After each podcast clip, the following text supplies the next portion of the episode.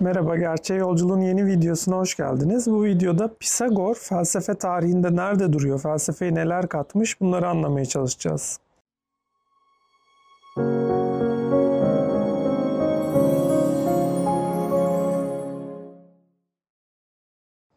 Daha önce felsefe tarihini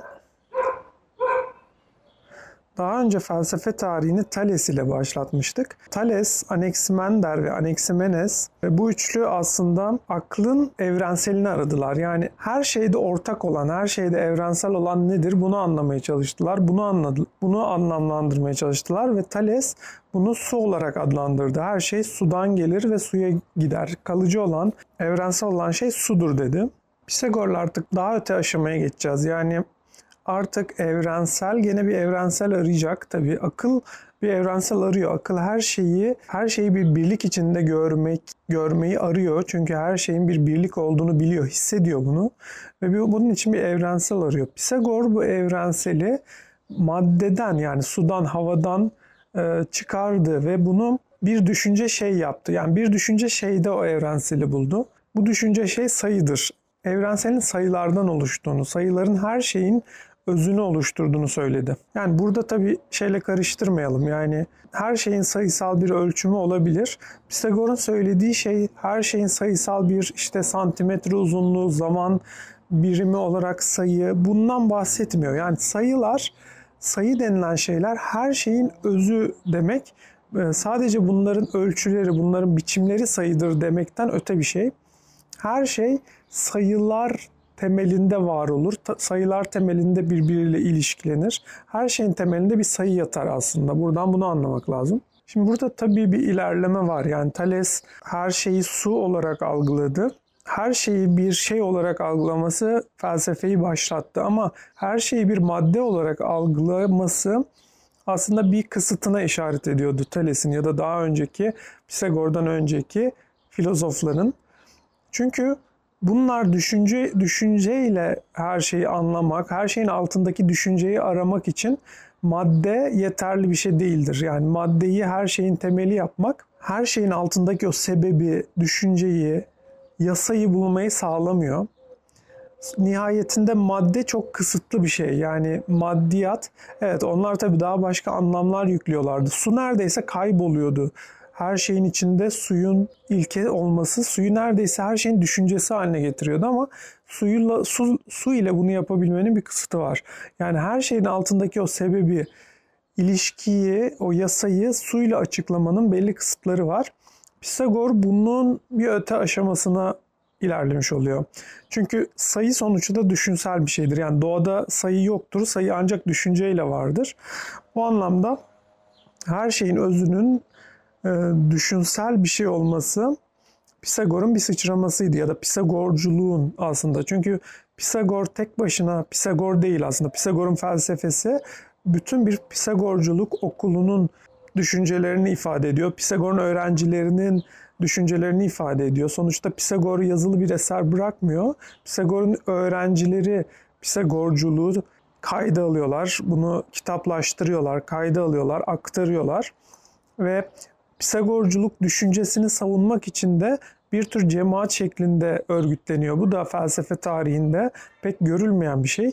Yani cemaat tarzı örgütlenme felsefeye çok uygun bir şey değil. Çünkü felsefe özgürce sorgulamayı ister, özgürce düşünebilmeyi ister. Cemaat ise bir e, disiplin ister, belli katı kurallar ister ve bunların sorgulanmamasını ister. Bu anlamda Pisagorculuk doğulu bir özellik gösterir. Yani Yunanistan'a Mısır tarzı bir e, cemaat e, örgütlenmesi getirmiştir. Pisagorculuk cemaatinin örgütlenmesini getirmiştir. Hepsi e, beyaz keten elbiseler giymiştir Pisagorcuların. Günün her saati her gün sıkı bir disiplinle planlanmıştır. Bu plana uymuşlardır Pisagorcular.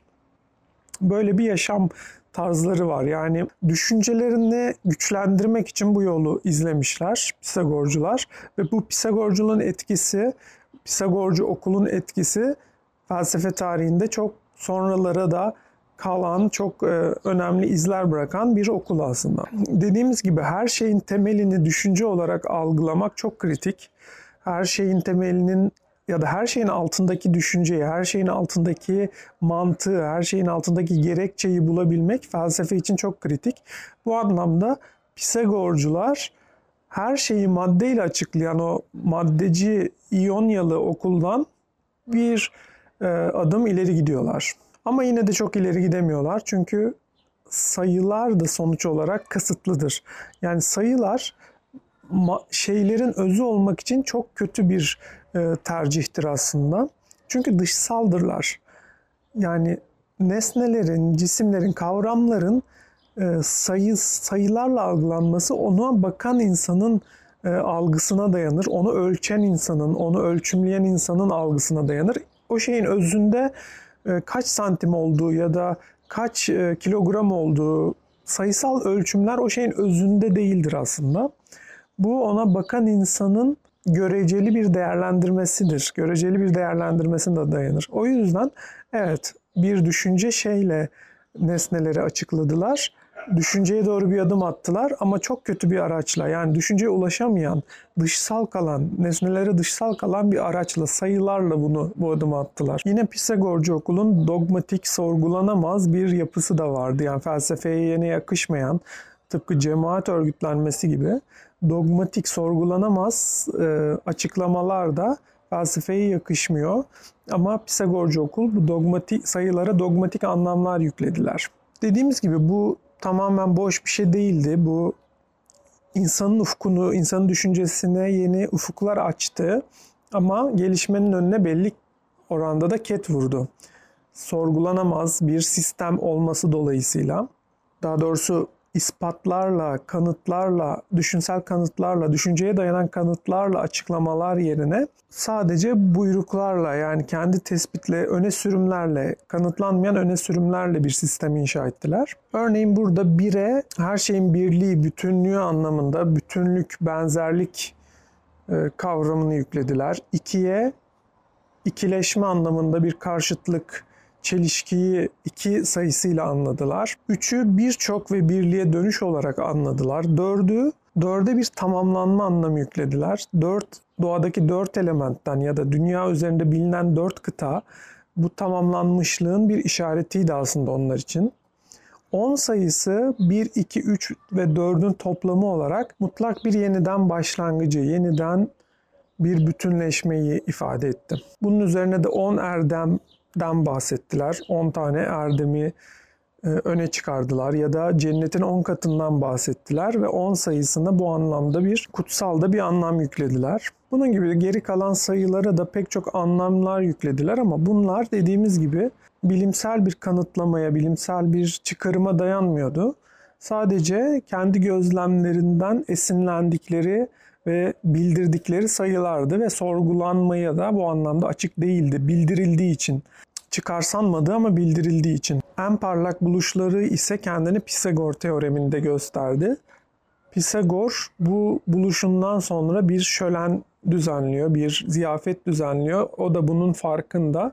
Pisagor teoreminin ne kadar parlak bir felsefi bilimsel buluş olduğunun farkında ve bunu o da büyük bir coşkuyla kutluyor bulduktan sonra. Yani insan ilk önce o evrensel nesneyi bir madde olarak aradı. Su gibi, hava gibi bir maddede aradı. Pisagorcularda ise bir düşünce şey bulma ihtiyacı hissetti ve ilk karşısına sayılar çıktı.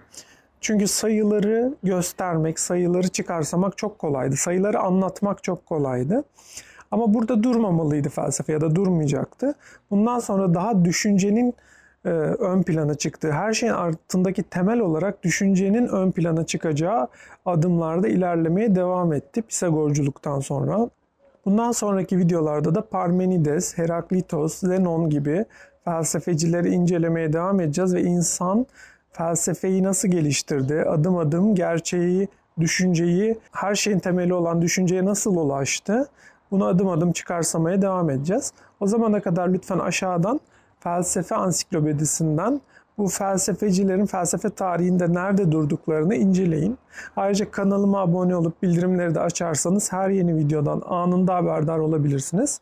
Bir sonraki videoda görüşmek üzere. Şimdilik hoşçakalın.